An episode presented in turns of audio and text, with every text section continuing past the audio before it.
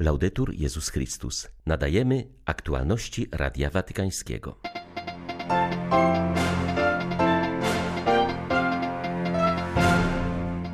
Rosjanie ponownie ostrzelali teren elektrowni atomowej w Zaporożu. To jawny terroryzm, który zagraża bezpieczeństwu Europy i świata, powiedział arcybiskup Światosław Szewczuk.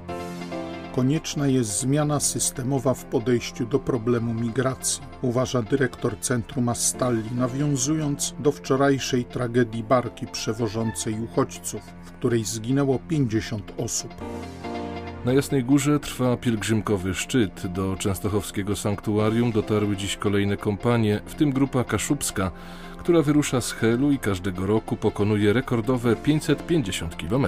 12 sierpnia witają Państwa ksiądz Krzysztof Ołdakowski i Łukasz Sośniak. Zapraszamy na serwis informacyjny. Ostatniej doby Rosjanie ponownie ostrzelali obszar zajętej przez nich elektrowni atomowej w Zaporożu. Pociski spadły w rejonie budynków komendantury i zakładowej straży pożarnej. Cały świat zaszokowały słowa rosyjskiego generała, który przyznał, że albo ziemia zaporowska będzie należała do Rosji, albo stanie się radioaktywną pustynią, powiedział w codziennym orędziu arcybiskup Światosław Szewczuk. Zwierzchnik ukraińskich grekokatolików podziękował przedstawicielowi stolicy apostolskiej przy ONZ, który przyznał, że militaryzacja największej elektrowni atomowej w Europie zagraża bezpieczeństwu całego świata. Kontynuując rozważania na temat fundamentów państwa obywatelskiego, o którym mówi katolicka nauka społeczna, arcybiskup Szewczuk przypomniał, że jedną z najważniejszych zasad społecznych jest międzyludzka solidarność.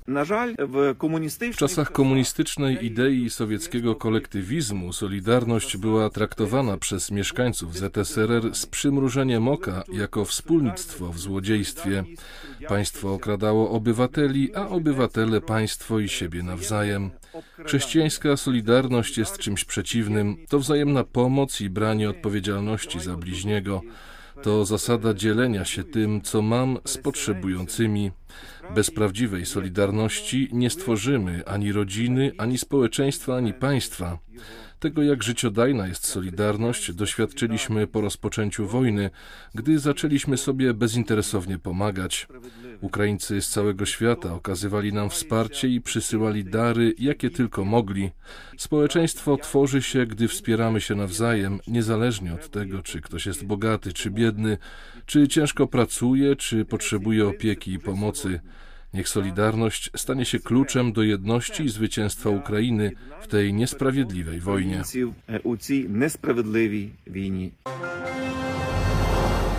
Sąd w Hongkongu wyznaczył datę rozprawy kardynała Josefa Zenzekiuna, aresztowany za współpracę z obcymi siłami, emerytowany biskup Hongkongu stanie przed sądem 19 września. Razem z nim sądzonych będzie pięcioro prodemokratycznych działaczy. Chińskie władze oficjalnie nie postawiły oskarżonym zarzutu zdrady. Pretekstem do wszczęcia postępowania stało się niezarejestrowanie na policji nieistniejącej już fundacji pomagającej protestującym w opłacaniu kosztów sądowych i medycznych. Oskarżeni nie przyznali się do winy. Ich prawnicy uważają, że organizacja charytatywna zgodnie z prawem o stowarzyszeniach nie jest zobowiązana do rejestracji.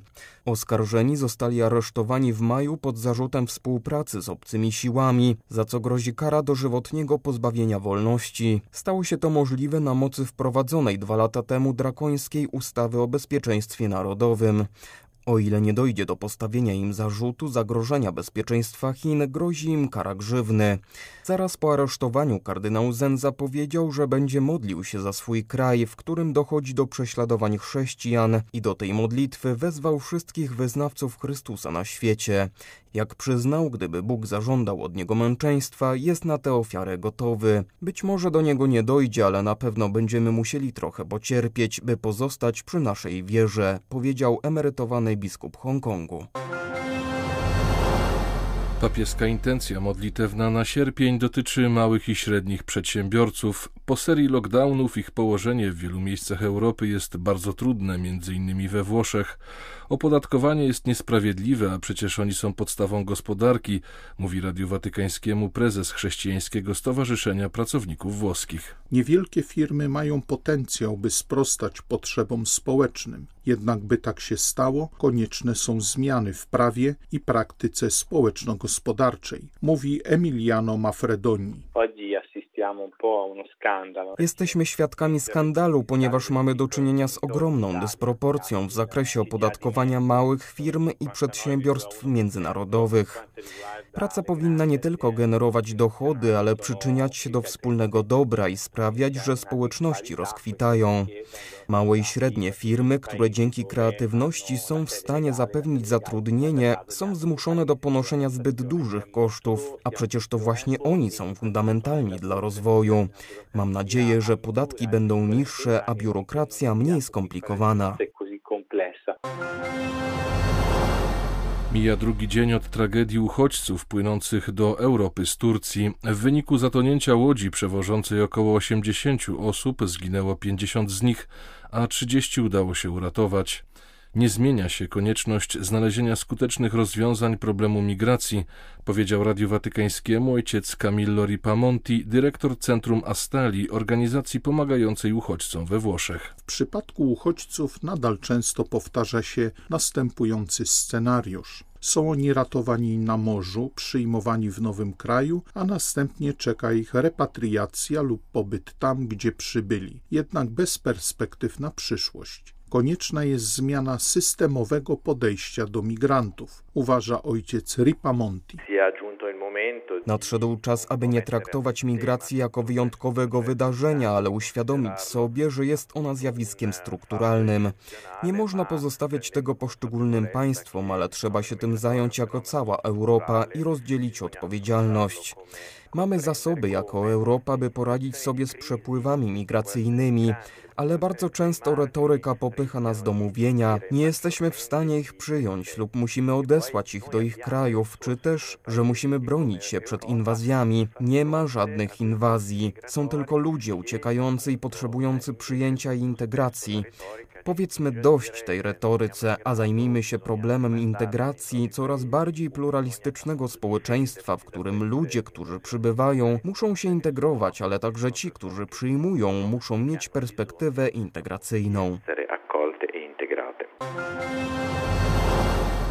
Dzisiaj życie w Afganistanie jest bardzo trudne z powodu poważnego kryzysu gospodarczego, uważa Alberto Cairo, włoski fizjoterapeuta, pracujący w tym kraju od 30 lat dla Czerwonego Krzyża. Dodaje, że bardzo wysokie jest obecnie bezrobocie, drogie życie codzienne, szczególnie dla średniej i biednej warstwy społecznej.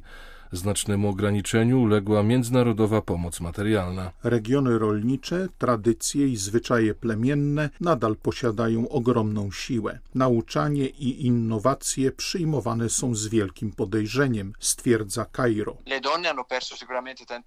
Kobiety utraciły bardzo dużo, ale wszyscy utracili, również społeczeństwo obywatelskie, w takim znaczeniu, że talibowie udzielają dzisiaj koncesji. Wydawało się, że wrócą do całkowitych zakazów, np. fotografii, telewizji oraz internetu. To się nie wydarzyło. Oczywiście istnieje ogromna cenzura w telewizji, ale nie sprawdziło się to, co zapowiadano. Cała reszta jednak nie uległa zmianie. Talibowie nie mogą wszystkiego zmienić. Wiadomo jednak, że integryści, fundamentaliści to osoby bardzo oporne na zmiany, a jeśli już coś zmieniają, to w kierunku pożądanym przez nich. Pomimo, że są młodzi, inni i przyszło nowe pokolenie, to nadal pozostali sobą. Kobiety zostały wyeliminowane z życia publicznego. Niektóre pracują jeszcze w szkołach podstawowych, są zaangażowane w służbie zdrowia, w organizacjach pozarządowych, ale w pozostałych dziedzinach już nie istnieją. Zostały wymazane z życia publicznego. Ksiądz Giuseppe Moretti, przebywający w Afganistanie przez 25 lat, uważa, że dla przyszłości tego kraju bardzo ważna jest formacja młodych pokoleń, zarówno pozostających w kraju poprzez różne organizacje międzynarodowe, choćby poprzez nauczanie na odległość, jak i tych, którzy przybyli do Europy. Oni mogą stanowić w przyszłości podwaliny nowoczesnego Afganistanu, mówi ksiądz Moretti. Z pewnością trudno jest jakiemuś demokratycznemu rządowi zaakceptować władzę, którą współtworzą osoby zaangażowane w międzynarodowy terroryzm. Równocześnie istnieje inna droga, droga wsparcia humanitarnego. Naród afgański potrzebuje podstawowych rzeczy. Obojętność jest zawsze obezwładniająca. Wyraża się w postawie: nic nie da się zrobić. Również jednak nie mając przedstawicielstw dyplomatycznych na miejscu, istnieje możliwość niesienia pomocy ludziom, którzy są niewinni. Jest to możliwe poprzez organizacje międzynarodowe. Grzech Zachodu wyraża się w postawie: Afganistan już nas nie obchodzi. Od 1969 roku do wczoraj walczono w tym kraju. Wydano podczas wojen miliardy. Wydaje mi się, że istnieje także problem pewnej spójności. To prawda, że Afganistan niewiele dzisiaj znaczy w polityce międzynarodowej, ale jednak byliśmy tam przez 20 lat. NATO, wszystkie ambasady otwarte. Afganistan po tym wszystkim stał się zbyt zapomniany.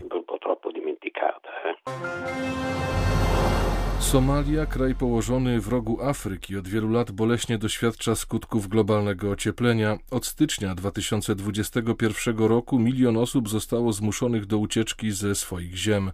Ksiądz Giorgio Bertin, który od 2001 roku jest administratorem apostolskim w Mogadiszu, oczekuje, że w najbliższych dniach zostanie przy wsparciu Caritas Internationalis ogłoszony międzynarodowy apel o solidarność z Somalią. Coraz więcej rodzin jest zmuszonych do porzucenia wszystkiego, ponieważ w ich wioskach brakuje wody i jedzenia. O trudnej sytuacji na miejscu powiedział Radiu Watykańskiemu ksiądz Giorgio Bertin.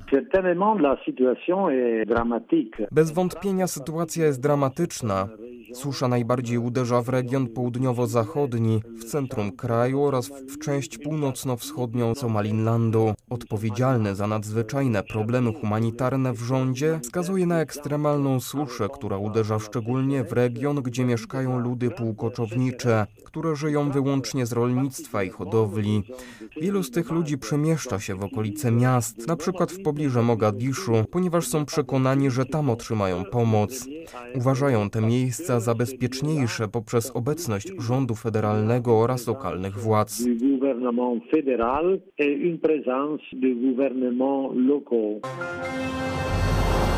W kolejnym dniu pielgrzymkowego szczytu na Jasną Górę dotarło dziś sześć diecezjalnych kompanii: sandomierska, zielonogórsko-gorzowska, warmińska, białostocka, gdańska i toruńska.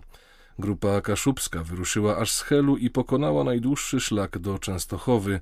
Przyszli też uczestnicy nauczycielskich warsztatów w drodze. Ponad 550 kilometrów, 15 dni drogi. Zebraliśmy ponad tysiąc intencji od ludzi, więc mieliśmy co robić. To są ogromne emocje, ogromne wycieńczenie, dużo też bólu. Po prostu z takiej odległości to nie wydaje się, bo są dłuższe pielgrzymki, ale każda pielgrzymka to jest y, bardzo duży wysiłek i no trzeba znaleźć po prostu na to czas, mieć na to chęci, poświęcić się, ale jest warto. O pielgrzymce kaszubskiej, której początek to jubileusz 600-lecia Jasnej Góry, mówią, że to ekspres, bo podobno potrafią podkręcić tempo nawet do 8 km na godzinę. Kultywują kaszubskie tradycje i zwyczaje. Jest Kaszebsko-Królewa, którą rzeczywiście śpiewamy po kaszubsku. Są emblematy, chusty kaszubskie. Jest flaga polska, która jednoczy wszystkich. Chociaż, że jest męcząca, to opłaca się, no bo jednak ten wysiłek na coś idzie, z jakąś intencją i polecam, żeby właśnie wszyscy z takimi intencjami szli i się nie poddawali. Trzeciego błędnego. A jutro wejścia pielgrzymek rozpoczną się już około godziny siódmej. Dla Radia Watykańskiego Izabela Tyras, Biuro Prasowe Jasna Góra News. Były to aktualności Radia Watykańskiego. Laudetur Jezus Chrystus.